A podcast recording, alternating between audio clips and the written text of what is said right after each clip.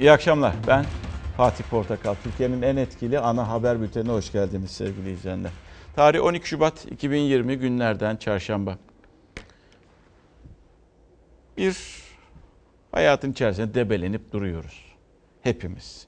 Görevlerimiz ne olursa olsun. O işte debelenirken hayatı hep e, işte çalışalım, daha çok çalışalım. Aman bize bir şey olmasın, aman sağlıklı olmayalım, aman hayatı ıskalalım, aman para kazanalım, para kazanmak zorundayız vesaire. Veyahut eğer e, siyasetçiyseniz de e, işte onu eleştireyim, bunu eleştireyim, koltuğumu koruyayım, şöyle yapayım, böyle yapayım. Yani hep bir kişisellik içerisindeyiz, bireysellik içerisindeyiz. Ta ki nereye kadar biliyor musunuz? Karamsar bir tablo çizmek için bulmadık bunu. Sadece e, bunun şarkıları bile vardır. Sadece bir gerçektir. Ta ki nereye kadar? İşte bu dünyanın ölümlü olduğunu anlayana kadar biliriz ama kondurmayız. Tabela ölümlü dünya. İşte bu ölümlü dünyada birbirlerine birbirlerine nereden esinlendiniz diye soracak olursanız birbirlerine e, sert sözlerle eleştiren siyasilerin ama birisi yitip gittiğinde yan yana geldiklerinde o verdikleri tablodan dolayı biz bu tabelayı bulduk. Ölümlü dünya dedik. İşin sonu ne olursa olsun böyle bitiyor.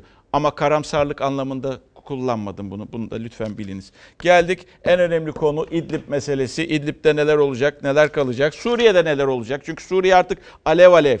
Alev alevdi daha da alev alev olacak gibi. Bakın e, Cumhurbaşkanı bugün e, grubunda Türkiye Büyük Millet Meclisi'ndeydi. Grubuna seslendi. Saldırı olursa her yerde vururuz dedi. Kara hava kast ediyordu aslında. Ama tabii bunu da altın çizmek gerekiyor. Türkiye şu an için hava sahasını kullanamıyor. Rusya'nın izin vermesi gerekiyor. Belki de ileride o Rusya'nın iznini bile duymadan girecektir. Onu da bilmiyoruz. Ama bir de bunlar yaşanırken önemli bir konuk Amerika'dan geldi. İki gündür bekliyorduk. Ha, özür dilerim bu onun haberi değildi. Ha, e, bunlar yaşanırken öncesinde Cumhurbaşkanı, öncesinde Cumhurbaşkanı Putin'le bir araya geldi telefonda. Tabii ne çıktı diyeceksiniz. Şu an için baktığımızda Kremlin'den yapılan açıklamalara baktığımızda sanki bu gerilim sürecekmiş gibi. Nafile görüşme demedik. Ama yine de bir açık kapı bırakmak istedik. Acaba ikili arasındaki görüşme nafile miydi? Gözlem noktalarındaki veya diğer yerlerdeki askerlerimize en küçük bir zarar gelmesi halinde bugünden itibaren İdlib'le ve Soçi muhtırası sınırlarıyla bağlı kalmadan rejim güçlerini her yerde vuracağımızı buradan ilan ediyorum. Cumhurbaşkanı en üst perdeden uyardı Esad rejimini. Olası yeni bir saldırıda hem karadan hem havadan vuracağız dedi. Karada ve havada hiçbir oyalamaya meydan vermeden bunu yapacağız. Bir haftada 13 şehit verdi Türkiye Esad güçlerinin saldırılarıyla. Gözler en çok da Ankara'nın nasıl bir yol haritası izleyeceğine çevrildi. Erdoğan Rus lider Putin'le de görüştü. askerlerimizin, e, rejim güçlerinin hatta hatta Rusya'nın vermiş olduğu hasarlar konusunu ele aldık. Kremlin görüşmeye dair yaptığı açıklamada iki lider mutabakatlara uyulması konusunda anlaştı dedi. Ankara-Moskova hattında askeri ve istihbari anlamda yeni temaslar olacak. Diplomasi sürerken İdlib'de sahada atılacak adımları da Erdoğan açıkladı. Biz de artık lafa değil, sadece sahadaki gerçeklere bakarak hareket edeceğiz. Şubat ayı sonuna kadar rejimi Soçi muhtırası sınırları dışına yani gözlem noktalarımızın gerisine çıkartmakta kararlıyız. Rejimin İdlib'e yönelik başlattığı operasyon sonrası Türkiye'nin bazı gözlem noktaları Esad güçlerinin kontrolündeki alanlarda kaldı. Soçi mutabakatına aykırı olarak Cumhurbaşkanı Erdoğan Şubat ayı sonuna kadar süre verdi Esad güçlerine. Gözlem noktalarının bulunduğu alanları terk edin dedi. Ülkemizle birlikte mücadele eden Suriyeli kardeşlerimiz rejimi Soçi mutabakatı sınırlarının ötesine atmak üzere harekete geçtiler. Karada da rejim güçlerini aynı şekilde belirlediğimiz sınırların ötesine kadar kovalayacağız. Bahçeli Şam'a girilmesini istedi. Meral Akşener de gereğini yapın diye seslendi. Cumhurbaşkanı Erdoğan Türkiye'nin bundan sonra tavizsiz hareket edeceğini söyledi. Şehitlerimizin bir tek damla kanını dahi teröristlerin ve rejimin tüm güçlerine değişmeyiz. Bir tek Mehmetçiğin hayatına milyon misliyle karşılık verseniz bizim bağrımız yanıyor. İdlib konusundaki savaşı tırmandıracak adımlardan çok diplomatik adımlar atılmalıdır. Suriye'ye karşı harp ilan etmemeliyiz. Gözlem noktalarına takviyeler yapıldı. Erdoğan yeni saldırı olursa her yerde vururuz diyerek Esad rejimini net uyardı. Bu arada dün yol haritası diyordu Erdoğan. O en azından o yol haritasının bir kısmını anlayabildik. Yani e, havada ve e, karada her türlü şekilde e, her yerde vurulabileceği Suriye ordusunun vurulabileceğini e, söyledi. Bir kez daha söyledi. Ama ağzından Şam diye bir laf çıkmadı. Onu da söyleyelim. E, Sayın Bahçeli'nin isteği o yöndeydi. Sadece e, yapılmak istenenin, İdlib- İdlib'de yapılmak istenenin ne olduğunun altını bir kez daha çizdi. Tabii hava sahası nasıl kullanılacak o da ayrı bir muamma. Belki bu görüşmenin sonrasında önümüzdeki günlerde olumlu adımlar da atılabilir. Şu an için görünmüyor ama e, ihtimalli konuşmakta fayda var. Neticede her gün her şey değişebiliyor. Tıpkı Amerika'nın değiştiği gibi yine geldi. Diyeceksiniz ki kim geldi? İşte tam bu Rusya ile gerginlik e, e, olaylar e, İdlib'de Suriye'de devam ederken James Jeffrey Amerika Birleşik Devletleri'nin Suriye özel temsilcisi bir kez daha kapımızı çaldı. şehitimiz var. Başınız sağ olsun. Suriye'de terör örgütü YPG PKK'ya sahip çıkan Amerika'nın Suriye özel temsilcisi Jeffrey Ankara'ya inişinde ayağının tozuyla bu sözleri söyledi. Şam ve Moskova'ya karşı Ankara'nın yanındayız mesajı verdi. Esad güçleri İdlib'e saldırılarını sürdürürken Milli Savunma Bakanı Akar NATO'ya seslendi. NATO ülkelerinin de NATO'nun da Avrupa'nın da dünyanın da biraz daha bu olaya yakından bakması ve ciddi fiili desteklerini sağlaması lazım. Suriye'de hem sahada hem de diplomaside çok sıcak saatler yaşanıyor. Rusya ve İran'dan aldığı destekle ilerleyen rejim güçleri Türk askerlerinin konuşlandığı 46. alaya yaklaştı. Ankara ise gözlem noktalarını zırhlı araç ve komandolarla takviye etti. Herhangi bir şekilde onlara bir müdahale olduğu takdirde kendileri misille mukabele etmek konusunda talimatlandırılmışlardır. Herhangi bir şey olduğu takdirde karşılık verilecektir. Sınırdaki gözlem noktalarını güçlendirmek ve yeni mevziler oluşturmak için zırhlı personel taşıyıcıları ve mühimmatı götüren tırlar şu anda Türkiye'ye dönüyor. Çok sayıda araç şu anda Suriye topraklarından Türkiye'ye giriş yaptı.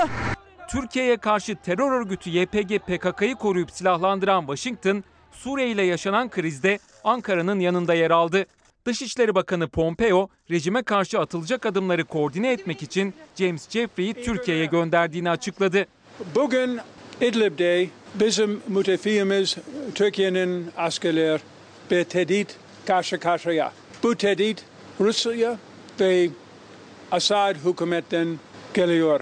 Ankara'ya inişinde Türkçe konuşan Jeffrey, Dışişleri Bakan Yardımcısı Sedat Önal ve Cumhurbaşkanlığı Sözcüsü İbrahim Kalın'la görüştü. Rejimin Türk gözlem noktalarını hedef alması kabul edilemez. Amerika Birleşik Devletleri olarak NATO müttefiki Türkiye'nin yanındayız. Jeffrey'in temasları sürerken Washington'dan İdlib'e askeri müdahalenin düşünülmediği mesajı geldi. Küresel bir polis olarak oraya paraşütle inip saldırıları durdurmamız mı bekleniyor? Oradaki kötü durumu sona erdirecek sihirli bir şey yok. Rusya ise Türkiye-Amerika görüşmelerini yakından takipte. Moskova'dan Ankara'yı suçlayan açıklamalar geldi. Türkiye'nin etkisiz hale getirmeyi taahhüt ettiği İdlib'deki teröristler Suriyeli ve Rus güçlere saldırıyor. Suriye ordusu sivilleri değil teröristleri vuruyor. İdlib'deki durumun nedeni Ankara'nın yükümlülüklerini kronik olarak yerine getirmemesi. Rusya'dan cesaret alan Suriye ise küstahlaştı. İdlib'de askerlerimize saldırı tehdidinde bulundu. Burası Türkiye-Suriye sınırı Cilve Gözü sınır kapısından 40-45 kilometre ileride rejimin hedef aldığı bölge İdlib var ancak bölgede tansiyonun yüksek olduğu tek nokta orası değil. Buradan kilometrelerce uzaklıkta Mardin'in hemen karşısında bulunan Haseke'de Amerikan askerleriyle Suriye rejimi karşı karşıya geldi. Tam da Ankara'da Amerika ile görüşmeler sürerken.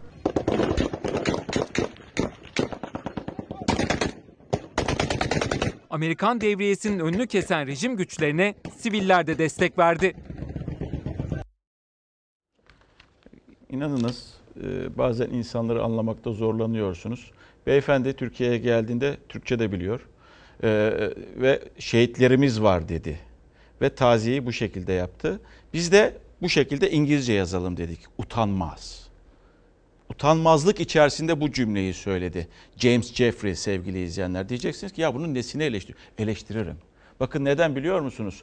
Bu sözü eleştiririm. Çünkü diğer taraftan PYD terör örgütüne destek vereceksiniz. 200 milyon dolarlık 2021 bütçesinde para vereceksiniz. Zeytin Dalı'nda, Fırat Kalkanı'nda, Barış Pınarı'nda askerlerimizi şehit eden PYD'nin PKK'nın arkasında duracaksınız. Ardından İdlib'de şehit haberi geldiği zaman da geleceksiniz şehitlerimiz var diyeceksiniz. Utanmazlık içerisinde bu cümleleri kuracaksınız ve Türkçe kuracaksınız. Aklınız sıra bizimle dalga geçeceksiniz.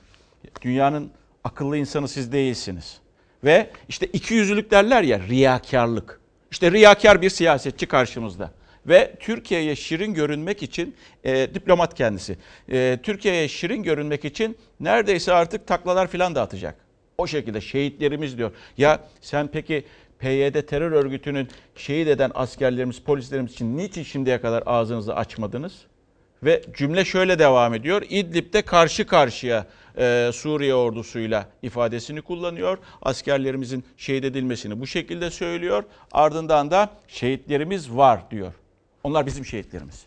Sizin şehitleriniz değil. Bizim şehitlerimiz. Ve sizin açtığınız bu emperyalistlerin açtığı bu coğrafyada neden olduğunuz bu olaylar yüzünden bunları yaşıyoruz biz. Bundan sonra da öyle cümleleri lütfen ağzınıza almayınız. Diplomat olabilirsiniz ama aklımızla kesinlikle dalga geçirmeyiz. Shameless. Ve geldik. Bugünkü e, her şey işte ne biliyor musunuz? Ölümlü dünya. Yani evet bugün bunlar yaşanıyor, bu olaylar yaşanıyor, bugünlük olaylar içerisinde debeleniyoruz vesaire. Ama bir de hayatın öyle de bir sonunun olduğunu da biliyoruz. Gelen mesajlar içerisinde bir tanesi dikkatimi çekmişti. Onu sizinle paylaşmak istiyorum.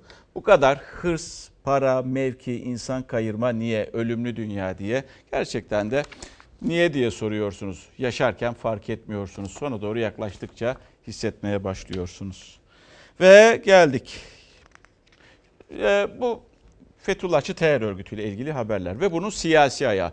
Hararetli bir şekilde tartışıyoruz. Yaklaşık işte 2-3 aydır daha da hararetli bir şekilde e, tartışıyoruz. Devlet Bahçeli defalarca hep gündeme getirdi. Bu kez yine onun e, gündeme getirmesinden sonra hiç o tansiyon düşmedi. Ve sonunda dün Kemal Kılıçdaroğlu ana muhalefet lideri e, grup toplantısında kendi penceresinden bakarak işte FETÖ'nün siyasi ayağı dedi Recep Tayyip Erdoğan'dır dedi. Tabi bugün Erdoğan'ın ne söyleyeceği merak ediliyordu. Mecliste grup toplantısındaydı. O da partilerine söylendi, çıktı, seslendi ve ikisi de birbirine aynı şekilde hitap ediyorlar. O da ona siyasi ayak sensin diyor. O da ona siyasi ayak sensin diyor. Meğersem ikisi de siyasi ayakmış. Bu ne demek biliyor musunuz? Bu işin sonundan hiçbir şey çıkmaz. Bu ülkede FETÖ'nün en önemli siyasi ayağı Kemal Kılıçdaroğlu'nun kendisi ve ekibidir. Devleti FETÖ terör örgütüne teslim eden kişinin adı Recep Tayyip Erdoğan'dır. Ya seni oraya getiren FETÖ, FETÖ. Ne konuşuyorsun? CHP liderinin siyasi ayak Erdoğan çıkışından bir gün sonra Cumhurbaşkanı da Kılıçdaroğlu'nu FETÖ'nün siyasi ayağı olmakla suçladı. Musat ve ekibi omurgasızdır. FETÖ'ye diyet borçludur. Devletin kozmik odasını yani devletin namusunu FETÖ'ye kim açtı? Recep Tayyip Erdoğan. Kılıçdaroğlu sözde adalet yürüyüşünü zahirde kendi milletvekili ama aslında FETÖ'cüler için yapmıştır. 25 Ağustos 2004 tarihinde Milli Güvenlik Kurulu FETÖ ile mücadele edilmeli, gerekli önlemler alınmalıdır diye bir karar aldı mı? Milli Güvenlik Kurulu kararına karşın dönemin hükümeti ne yapmıştır? Bu yapıyı suç örgütü olarak ilan eden ve o Milli Güvenlik Kurulu kararının altında imzası olan benim. Yasa ile teker tekel değil, kitleler halinde atamaların yapılmasının yolu açıldı. 6 tane danışman FETÖ'cü çıktı. Urla Belediye Başkanı malum FETÖ'cü çıktı ve şu anda içeride. Nereye bakarsan bak. FETÖ'nün siyasi ayağı Bay Kemal'in yatak odasına girmiş haberi yok. Senin 7 tane yaverin 6 tanesi FETÖ'cü çıkınca cümlenin devamını ben nasıl getireyim ya? Cumhurbaşkanı 17-25 Aralık ve sonrasında yaşananlar üzerinden hedef aldı CHP liderini siyasi ayak suçlaması yaparken yanıt Kılıçdaroğlu'nun kurmayından geldi. 17-25 Aralık'tan sonra CHP grup kürsüsü montaj ve iftira kasetlerinin dinletildiği bir mecraya çevrilmiştir. Yapılan yolsuzlukların tamamı doğrudur. 15 Temmuz'u kontrollü darbe olarak niteleyen Kılıçdaroğlu'na bu aklı ve tabiri veren kim? O da FETÖ. Öncesinde haber alındığını, gereğinin yapılmadığını söylemek başka bir şey. Sanki darbeye darbe demiyormuşuz gibi bir yalan atmak başka bir şey. FETÖ'nün siyasi ayağı bu yapı terör örgütü olarak tanımlanmadan önce görüntü veren midir? Devlet aynı yapıyı terör örgütü olarak tanımladıktan sonra yanından ayrılmayan mıdır? Emin olun yurt dışına kaçmaktan başka bunun başka bir çaresi yoktur. Sen kaçarsın ama ben buradayım. Biz hiçbir zaman bu topraklardan kaçmadık, kaçmayız, kaçmayacağız. Erdoğan AK Parti grubunda bir de klip izletti. CHP liderini FETÖ ile işbirliğiyle suçlayan bir klip. Gözler Kılıçdaroğlu'nun yeni kuracağı cümlelere çevrildi. Epey bir tartışılacak gibi ama sonuçsuz bir tartışma gördüğümüz kadarıyla. Ee, şimdi geldik ee, yine e, Cumhurbaşkanı'nın kürsüden seslendiği, eleştirdiği e, bir isim. E, İlker Başbuğ. Ama nedense İlker Başbuğ ve e, Genelkurmay Başkanı olarak hep onu anıyor. Bir de e, tek sorumlu oymuş gibi göstermeye çalışıyor. Bir de rahmetli Genelkurmay Başkanlarından Büyük Anıt, Yaşar Büyük Anıt'ı e, isim vermeden bir geçirdi e, veya e, cümlelerin içerisinde kullandı. Ama diğer öncekiler ve sonrakilerle ilgili bir şey demiyor. O da enteresandır. FETÖ'cüleri neden atmadınız diye seslendi e, İlker Başbuğ'a. Belki önümüzdeki günlerde tartışması gelecek. Özgür Özel'den cevap geldi. Yine enteresandır. Akın Öztürk'ü atayan Erdoğan mı bu soruyu soruyor diye Erdoğan'a bu kez soru sordu. Sırtında tabii resmi kısmeti, kıyafeti varken boruyu çıkartıp gösteriyordu. FETÖ'cülere niye atmadınız? Onları niye ihraç etmediniz? Akın Öztürk'ü 7 Ağustos 2015'te emekli etmeyip de Yüksek Askeri Şura üyeliğine atayan Cumhurbaşkanı Recep Tayyip Erdoğan mı soruyor bunu? Askerlerin sivil mahkemede yargılanmasının yolunu açan düzenlemeyi FETÖ istedi diyen İlker Başbuğ yine Erdoğan'ın hedefindeydi. Cumhurbaşkanı Başbuğ ile yakın zamanda hayatını kaybeden Yaşar Büyükanıt'ın FETÖ ile mücadele etmediğini söyledi. Yanıt CHP'den geldi. Her ikisinin de genel kurmay başkanlığı döneminde çıksınlar şunu söylesinler. Biz şu kadar FETÖ'cü subayı ordudan ihraç ettik. Benim görevim değil, sizin görevinizdi. Niye ihraç etmediniz? İlker Başbuğ adına cevap veriyorum. Senin döneminde kaç tane silahlı kuvvetlerden ihraç oldu? Cevap 32. Necdet Özel kaç tane oldu sen de söyle? Cevap veriyorum sıfır. Hulusi Akar sıfır. Ben başbakana şunu söyledim, bunu söyledim. Yalan söylüyorsun, yalan. FETÖ'cülere niye atmadınız? Onları niye ihraç etmediniz? Kimi aldatıyorsunuz? İhraçlara da imza atmazdı bunlar. Anlı secdeye denen komutanlar ihraç ediliyor derdi. İmza da atmazdı, şerh koyardı bunlar. Bunların içinde çoğu zaman FETÖ'cü değil. Bu nurcuların içerisinden Kurdoğlu takımı vardır. Onlardan da bunların ihraç ettikleri olmuştur. Biz onlara bile imza atmadık. Erdoğan Başbuğ döneminde Yüksek Askeri Şura toplantılarında FETÖ'cü subaylarla ilgili ihraç önümüze gelmedi dedi. Nurcuların ihracına imza atmadık açıklaması yaptı. Eski genelkurmay başkanlarını FETÖ ile mücadele etmemekle suçladı. Elinizde rahatlıkla ihraç edebileceğiniz FETÖ mensubu subaylar vardı. Niye bunları çıkarmadınız?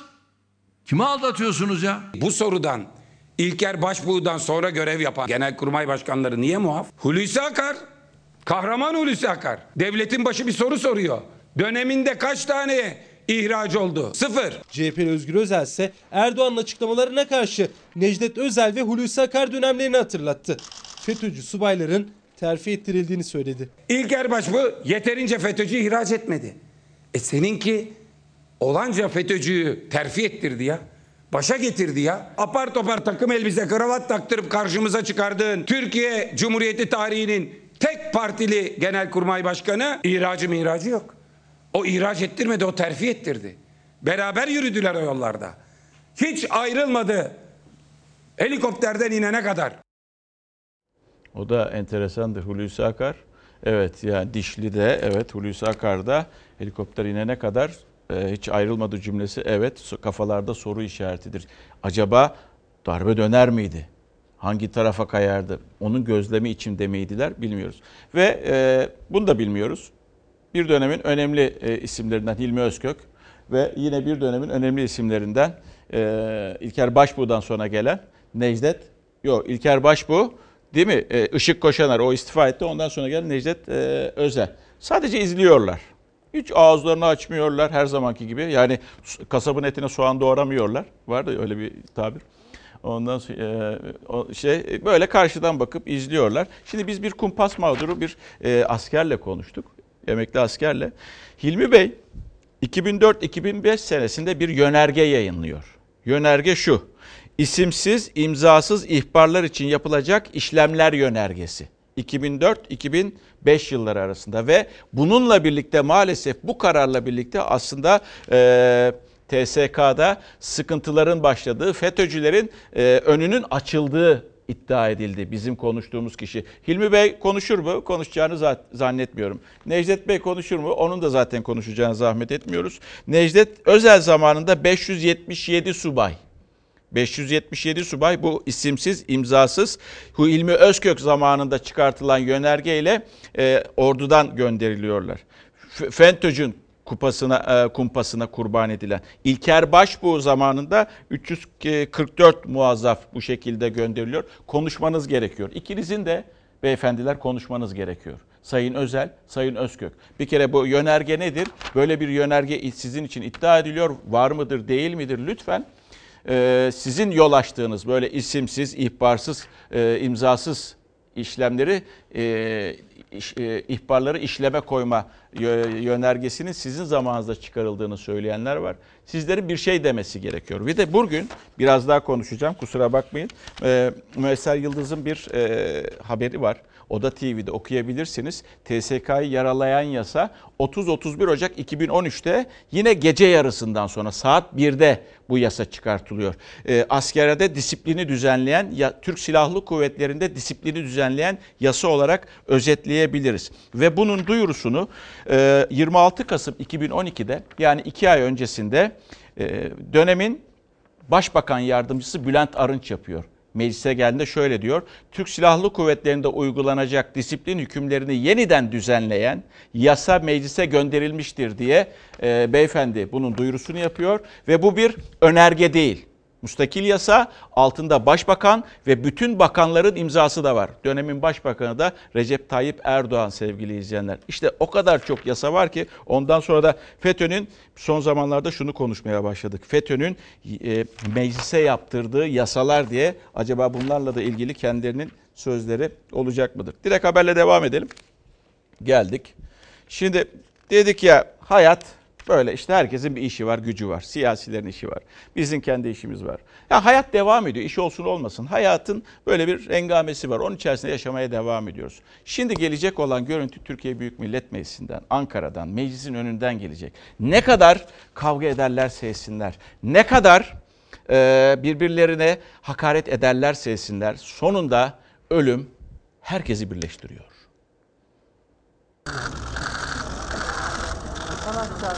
Yaklaşık 5 yıl aradan sonra bir ilk. Bahçeli ve Akşener aynı karede yüz yüze göz göze geldiler, el sıkıştılar. 5 yıldır değil el sıkışmak, birbirlerinin yanından bile geçmemeye özen gösteriyordu iki genel başkan. İçişleri Bakanlığı Eğitim Şube Müdürlüğü'ne atandı. MHP eski milletvekili İyi Parti'nin de kurucularından Hasan Hüseyin Türkoğlu kansere yenik düştü 51 yaşında. Osmaniye'den hemşerisi olan Türkoğlu'nun cenaze törenine ilk gelen liderdi Bahçeli. Arkasından CHP lideri Kılıçdaroğlu geldi. Tek tek herkesin elini sıktı. Bahçeli'nin yanına kadar gitti. Ama tokalaşmadı iki lider. Ardından Meral Akşener geldi, doğruca ailenin yanına geçti ve sonra Bahçeli bir sürpriz yaptı. Aileye taziyede bulunduğu sırada elini Akşener'e de uzattı. Göz göze geldiler. Çevredeki bütün gözler de onların üzerindeydi. Akşener de uzattı elini, tokalaştılar. 2015 Kasım'ında Akşener'in olağanüstü kurultay çağrısı yaparak Bahçeli'nin karşısına çıkması ayırmıştı yollarını. O gün bugündür karşılıklı ağır sözler söylendi, davalar açıldı. 5 yıl sonra bir yol arkadaşına vefa görevinde buluştular, elleri anlık da olsa yeniden birleşti. Genç yaşta yaşamını yitiren Hasan Hüseyin Türkoğlu'nun naaşı cenaze aracına alınırken Bahçeli ile Kılıçdaroğlu yine yan yanaydı. Kılıçdaroğlu elleri cebinde olan Bahçeli'ye elini uzatıp başını sağ olsun dedi. Bu kez Bahçeli de uzattı elini. Ama Ankara'nın dondurucu soğuğunda güne Bahçeli ile Akşener'in aynı karede buluştuğu bu anlar damgasını vurdu. Allah rahmet eylesin. Ve geldik yine çok konuşulan bir konu. Biliyorsunuz e, Naci Şerif'i Zindaşti, uyuşturucu kaçakçılığı ve kaçakçılığı, FETÖ'yle irtibat, e, cinayet vesaire birçok e, hakkında suçlamalar vardı ve daha sonra onunla ilgili yardımcı olduğu iddia edilen kişilerden, hakimleri aradığı iddia edilen kişilerden birinin de Burhan Kuzu olduğu söyleniyordu. Bu iddia ediliyor. Burhan Bey hayır diyor ama e, maalesef bunlar da e, hakim ifadelerinde var, yer alıyor. Oralardan e, sizlere aktarıyoruz. Sonunda bir kez daha konuşma gereği e, duydu Burhan Kuzu ve klasik bir cümledir biliyorsunuz. Bu dedi FETÖ kumpası. Tahliye ediliyor İstanbul'da. İşte o arabasına falan çıktı. Birileri tahliyede benim sanki dahlim varmış gibi. Zindaşlı konusu şahsıma karşı yürütülen ve AK Parti'ye zarar vermek istenen bir FETÖ kumpasıdır. Adam diyor ki bana Zindaşlı'yı serbest bırakmam için siyasi baskı yaptı. Bu suçu örtmek için şimdi bunu söyleyenlere FETÖ'cü diyor. Ya sen suçüstü yakalanmışsın artık. İran uyuşturucu kaçakçısı Zindaşti'nin serbest kalması yönünde hakimlere baskı yaptığı iddialarına karşı bu kez de AK Parti'ye zarar vermek isteniyor FETÖ kumpası dedi Burhan Kuzu. Mahkemeler bu işin üzerine gitmeli, araştırmalı, bir karar vermeliler. Hiçbir hakimi arayıp baskı kurmadım. Ortada bir mahkeme kararı mı var? Yargısız infaz yapmayın. Senin kuzuluğunu sevsinler. İranlı uyuşturucu baronu hakkında cinayet azmettirmekten de suçlama olan Naci Şerif'i zindaştı. 6 ay tutuklu kaldıktan sonra tahliye edildi. Tahliyeden 3 saat sonra hakkında yakalama kararı çıkartıldı ama sıra kadem basmıştı. HSK soruşturma başlattı. Müfettişler tartışmalı tahliye ile ilgili dosyanın savcısını tutuklama ve tahliye kararı veren iki hakimi dinledi. Hakimler Burhan Kuzu'nun zindaştığı için baskı yaptığını söyledi. Burhan Kuzu'nun telefonla beni araması üzerine kendisinin dosyaya vakıf olduğunu fark ettim. Çok detaylı bir şekilde kendisi dosyayı anlattı. Siyasi baskılarla hakimler serbest bırakıyorlar. Kim? Burhan Kuzu. Bir anayasa profesörü olarak yetiştirdiğim yüzlerce öğrencim bugün hakim ve savcı olarak görev yapıyor. Öğrencilerimle ara ara görüşüyorum. Bu gayet doğal. Ancak hayatım boyunca hiçbir hakimi arayıp baskı yapmadım. İddialar gerçek dışıdır. Ortada asla bir baskı yoktur. Devamlı arıyor tutuksuz yargılanma talep ediyor. E, yıldırmışsın hakimleri. Bu hakimler bu baskıları ikrar etmişlerse bunun gereği yapılmalı. Savcıları göreve davet ediyoruz. Savcılık ifadeye çağırırsa koşa koşa giderim. Tekrar ediyorum. Hiçbir hakime baskı yapmadım. İfade vermeye hazırım diyen Burhan Kuzu hakkında şu ana kadar bir soruşturma başlatıldığına dair bilgi yok. E, bu arada söz hakkını kullanmak isteyen bir hanımefendi var. İbrahim Okur'un eşi bir mesaj atmıştı. Geçen günde bir haber vermiştik. E, masumiyet karinesi ve hakikate, hakikate aykırı haber yaptığımız yönünde iddiasıydı. Mesajı da burada duruyor. E, yerel mahkeme kararını verdi ama tabii ki bunun temiz safhası var. Bir o noktaya değineyim. Bir de gerekçe yazılmadı henüz daha diyor e, hanımefendi Nurdan e, Okur. E, bu şekilde de sizin de söz hakkınızı bu şekilde kullanmış olayım. Masumiyet karinesine de dikkat edin lütfen diyor kendisi. Ve geldik. E, bu olay da çok e, konuşuldu e, ve e, ne olduğu belirli belli değil. Yani bir cinayetten bahsediyoruz. Ve bir anda sosyal medya nasıl çalkalandığını sizler de biliyorsunuz. Yani işte e, kadını kurtardı, şöyle yaptı e, ve işte e, yapılması gereken de belki o suç işlemedi vesaire. Bugün bu konuya, bugün bu konuya Cumhurbaşkanı da girdi. Şimdi orada Kadir insani, vicdani bir durum tabii sergiledi ortaya koydu. Türkiye'nin konuştuğu Kadir Şeh davasında Cumhurbaşkanı Erdoğan da sessiz kalmadı. Ortada vicdani bir durum var dedi. Hemen öncesinde Adalet Bakanı Abdülhamit Gül konuştu, hukuka adres gösterdi. Kimse Kadir suçludur e, diyemez. Ama ortada bir ceset var, bir cinayet soruşturması sürüyor. Konya'da Fen Lisesi mezunu 20 yaşındaki Kadir Şe ders çalıştığı kütüphaneden çıkmış teyzesine gidiyordu. İddiasına göre parkta bir erkeğin bir kadını dövdüğünü gördü. Hemen müdahale etti. İkili arasında arbede yaşandı. Özgür Duran, Kadir Şe'ye ait olduğu belirlenen bıçak darbesiyle hayatını kaybetti. Kadir kasten adam öldürmekten tutuklandı.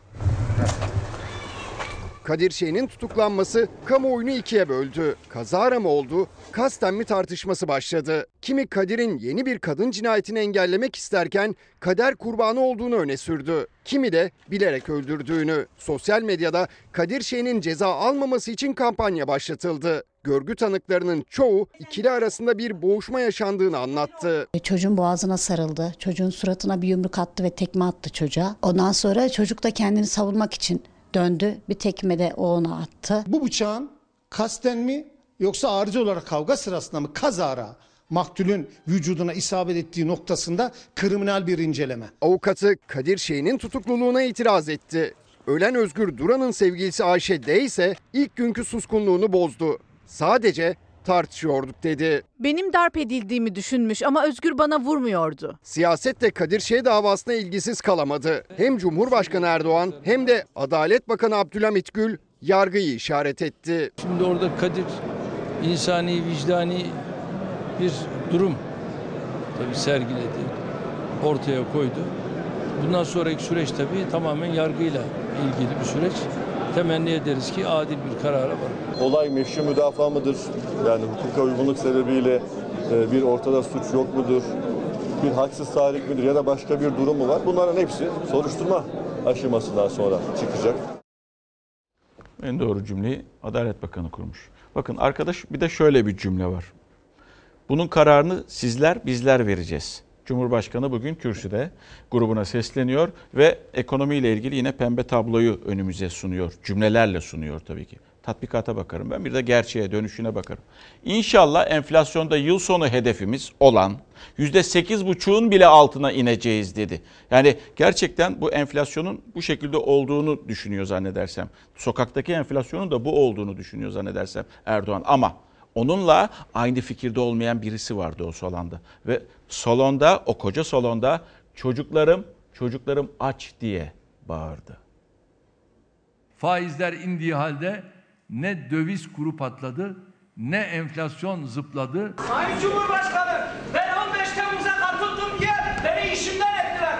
Çoluk çocuğum var. Cumhurbaşkanı kürsüde ekonomideki iyimser tabloyu anlatırken salondan beklenmedik bir ses yükseldi. 15 Temmuz sonrası işsiz kaldığını söyleyen bir baba. Çocuklarım aç, bana yardım edin diye seslendi Erdoğan'a. Çoluk çocuğum var.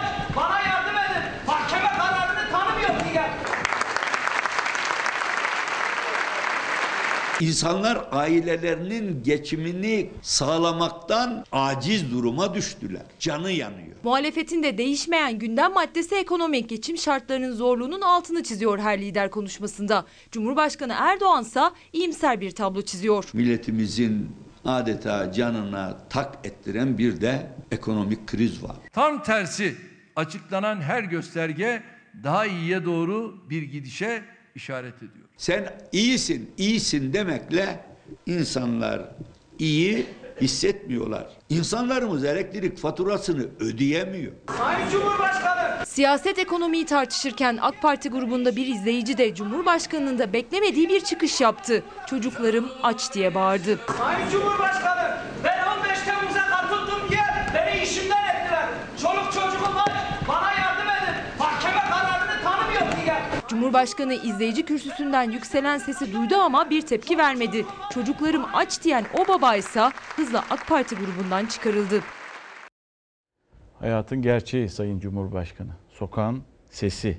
İşte bu duyduğunuz ses. Ve bakınız sizin için belki ekonominin iyi gidişatı rakamlardan ve oranlardan ekonominin iyi gittiğini zannediyorsunuz veya öyle olduğunu düşünüyorsunuz. Bir yere kadar da haklı olabilirsiniz ama esas haklı olan sokaktaki vatandaşın ne yaşadığı. Onun sokağa çıktığında e, cebinde parasının kalıp kalmadığı ve ne hissettiği. Siz rakamlar üzerinden konuşursunuz, insanlar bütçeleri üzerinden konuşurlar. İşte o bütçeleri yaralayanlardan biri Merkezi hükümet böyle söylüyor. Belediyeye dönüp baktığımızda İstanbul'da biliyorsunuz %35'lik bir ulaşım zammı vardı ve vatandaşlar zamlı yolculuk ediyorlar şu anda. Ama gerçekten koca şehirde yaşamak, bu şehirde yaşamak ve zamlı zamlı yaşamak çok zor. Hangi belediye olursa olsun. Dün AK Parti vardı, bugün CHP var. Hiç fark etmez.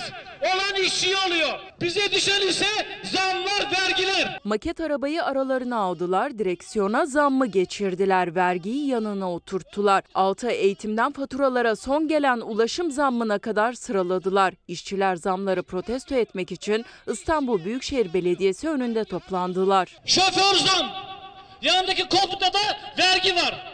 Vatandaşı böyle zamla, vergiyle belini büküyorlar. Zamlar arasında ayrımcılık yapmıyoruz. Biz ayrımcılığa karşıyız. Sadece Büyükşehir Belediyesi'nin önünde protesto edenler değil, tüm İstanbulluları etkiliyor ulaşım zammı. İstanbul'da ulaşımın her türlüsü zamlı artık. Üstelik %3, %5'te değil, tam %35. Bir aileden düzenli olarak toplu ulaşım kullanan kişi sayısı arttıkça maliyet de yükseliyor.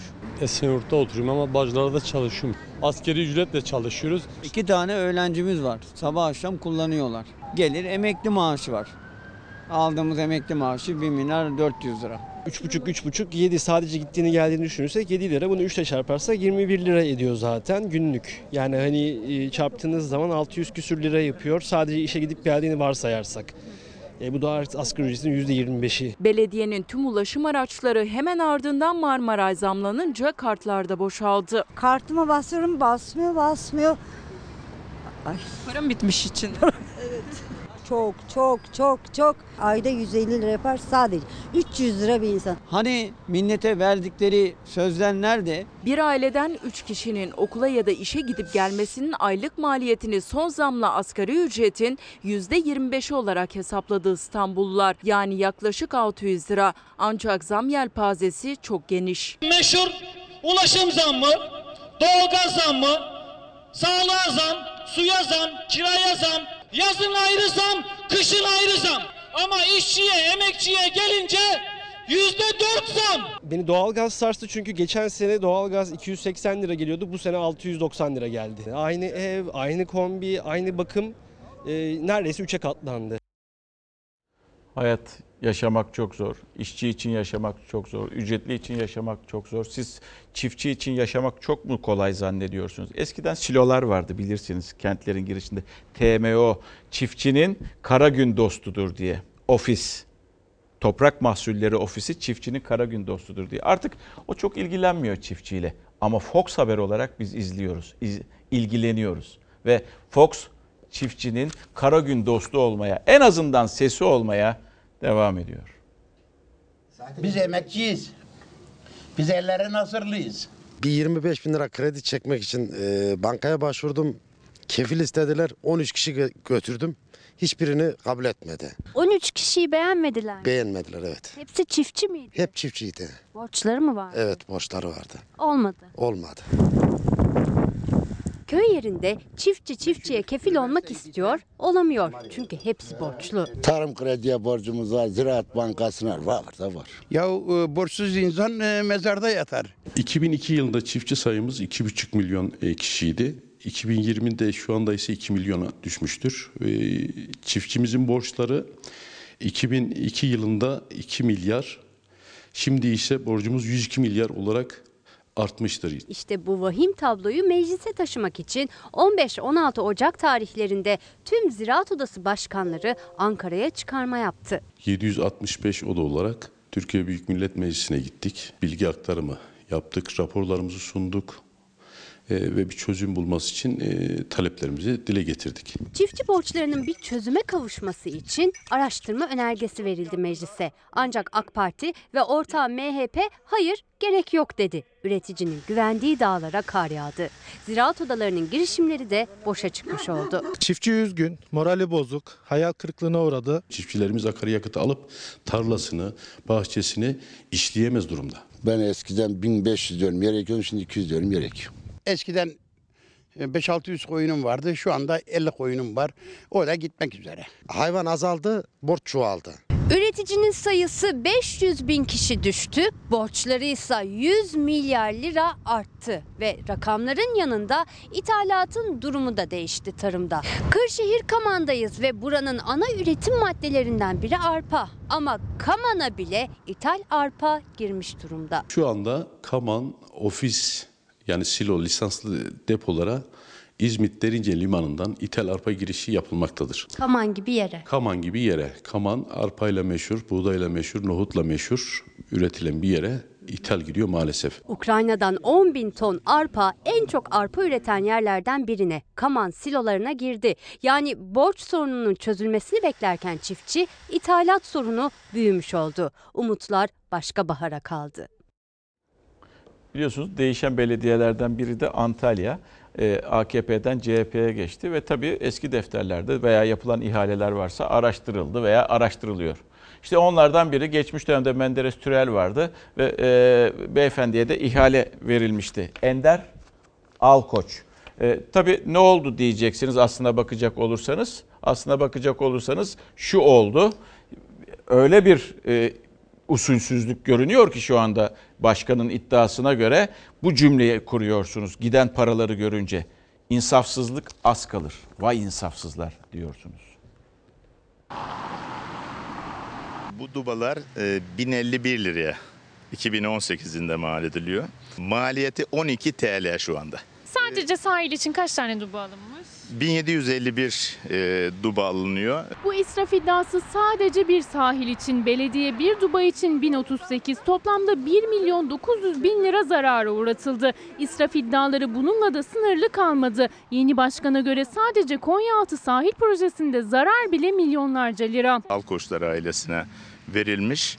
E, fakat belediyemiz 2 yılda 15 milyon 19 bin zarara uğradı. Antalya Büyükşehir Belediyesi yerel seçimlerde AK Parti'den CHP'ye geçti. CHP'li Muhittin Böcek Antalya Büyükşehir Belediye Başkanlığı görevine gelince İçişleri Bakanı Süleyman Soylu'dan bir önceki dönem belediye harcamalarının incelenmesini istemiş, Soylu inceleme başlatıldığını açıklamıştı. Böcek eski belediye başkanı AK Partili Menderes Türel döneminde yap işlet devlet yöntemiyle Hülya Koçyiğit'in damadının firmasına al koçlara yaptırılan Konyaaltı sahil projesinde ortaya çıkan zararın 15 milyon lira olduğunu açıkladı. 7080 lira 30 bin liraya alınmıştır. Bir tanesi bu. Görmüş olduğunuz aydınlatma direğinin tanesi 3 bin lira civarında. Kayıtlara bakıldığı zaman bir önceki belediye aydınlatma direği başına 15.700 lira harcadı. Zararsa aradaki 13 bin lirayla sınırlı değil. Çünkü bu parkta bu direk gibi 289 tane daha var. Şimdi bu gördüğünüzde e, 2018 yılında ödenen birim fiyatı 34.839 TL. Şu anda 2020 yılında 1475 lira. 9 tane alınmış. 289 aydınlatmada zarar 3 milyonun üzerinde. Belediyenin incelemesine göre 1000 liralık bank 12 bin liraya, 1500 liralık taş aksesuar 9 bin liraya yaptırıldı. Konyaaltı plajındaki bu parkın güzelleşmesi için parka 4 tane işte bu karıncalardan konuldu. Normalde en fazla maliyeti 4 tanesinin 37 bin lira ama belediye bunları getirtmek için 320 bin lira harcadı. 2018'de ödenen birim fiyatı şu anda gördüğünüz 619.500 TL'dir. Şu anda 2020 yılı güncel piyasa birim fiyatı 13.393 liradır. AK Partili eski belediye başkanı Menderes Türel ise iddiaları yalanladı. Belediyeye yüksek fiyatla malzeme satıldığını iddia eden Bay Böcek yine yalanlarıyla halkı kandırıyor. İddiaların gerçek değil, gerçekse gereğini yap. Muhittin Böcek konuyu yargıya da taşıdı. Büyük adanın e, faytonlardaki faytonları çeken atlarını biliyorsunuz. Evet faytonlardan kurtuldu. Atlar kurtuldu dedik ama atlar şu anda bir ahırda bekletiliyor. Yani bir e, mapus hayatı yaşıyorlar İspark'a ait çadırlarda ve e, artık neredeyse ölüme yaklaşıyorlar. Önlerinde hiçbir şey yok. Atların ayaklarının altında nal yok. Bu at zayıflıktan ölmek üzere şu an. Faytonlar kaldırıldı ama atlar ortada kaldı. Birçoğu iki aydır ahırlarda hareketsiz. Ayaklarındaki şişmeye bağlı rahatsızlıklar olduğu, bağırsak düğümlenmesi sonucu öldükleri öne sürüldü. İspark ahırlarındaki atlarla ilgili de bakımsızlık iddiaları var. O iddia bu görüntülerle desteklendi. Ekrem İmamoğlu ise bu atların ormanda ölmek üzereyken bulunup iyileştirildiğini açıkladı. İstanbul Büyükşehir Belediyesi önünde çadır kurmuş eylem yapmıştı hayvanseverler. Günlerce nöbet tuttular. Sonunda istedikleri oldu faytonlar kaldırıldı. Atlar artık fayton çekmiyor ama bu kez de iddiaya göre bakımsızlıktan ve açlıktan ölüyorlar. Atların ölmek üzereyken bize geldiğini, çok iyi e, bakıldıklarını, direkt veterinerlerin ilgilendiğini söylediler. Bugün de çadıra geçecekler. Beslenmesiyle ilgili yonca ile beslendiğini arkadaşlarım yazdılar. Önlerinde hiçbir şey yok. Atların ayaklarının altında nal yok. Atların İspark ahırlarının yanında ek binada bulunduğunu doğruladı yetkililer. Büyükadalı hayvanseverler çekti bu görüntüyü. Atlar adalardaki karantinanın başladığı iki ay önce Büyükada'da bulundular. İspark ahırlarının kapasitesi dolduğu için 55 gündür İspark ahırlarının ek binasında tutuluyorlar. Bu at zayıflıktan ölmek üzere şu an. Atlar aç susuz burada. Günlerdir burada bağlı kalıyorlar. Dışarıda gezdikleri için yakalandılar. Atlar adada başıboş bulunup bize getirilen atlar. Yeni atlarda geleceği için çadırlar kuruluyor şu anda. Bu atlar da bugün o çadırlara alınacak. Atlar ahırlarda hareketsiz bekletildiği için sağlık sorunları yaşıyor. Atlar Ölmesin platformu da atların sağlığından endişeli. Süreci takip etmeye çalışsalar da İstanbul Büyükşehir yetkililerinden randevu alamamaktan şikayetçiler. Her konuyu çözeceğimiz gibi bu konuyu da çözdük. Vatandaşımızla bir arada çözdük. Reklam. Kapatıyoruz sevgili izleyenler. Bizden hemen sonra yeni bölümüyle yarışma programı Yaparsın Aşkım var. İzleyebilirsiniz. Yarın daha mutlu, daha huzurlu, daha güvenli bir dünya ve tabii ki Türkiye'de buluşmak umuduyla. Hoşçakalın. Ezilir yerler için bir başkadır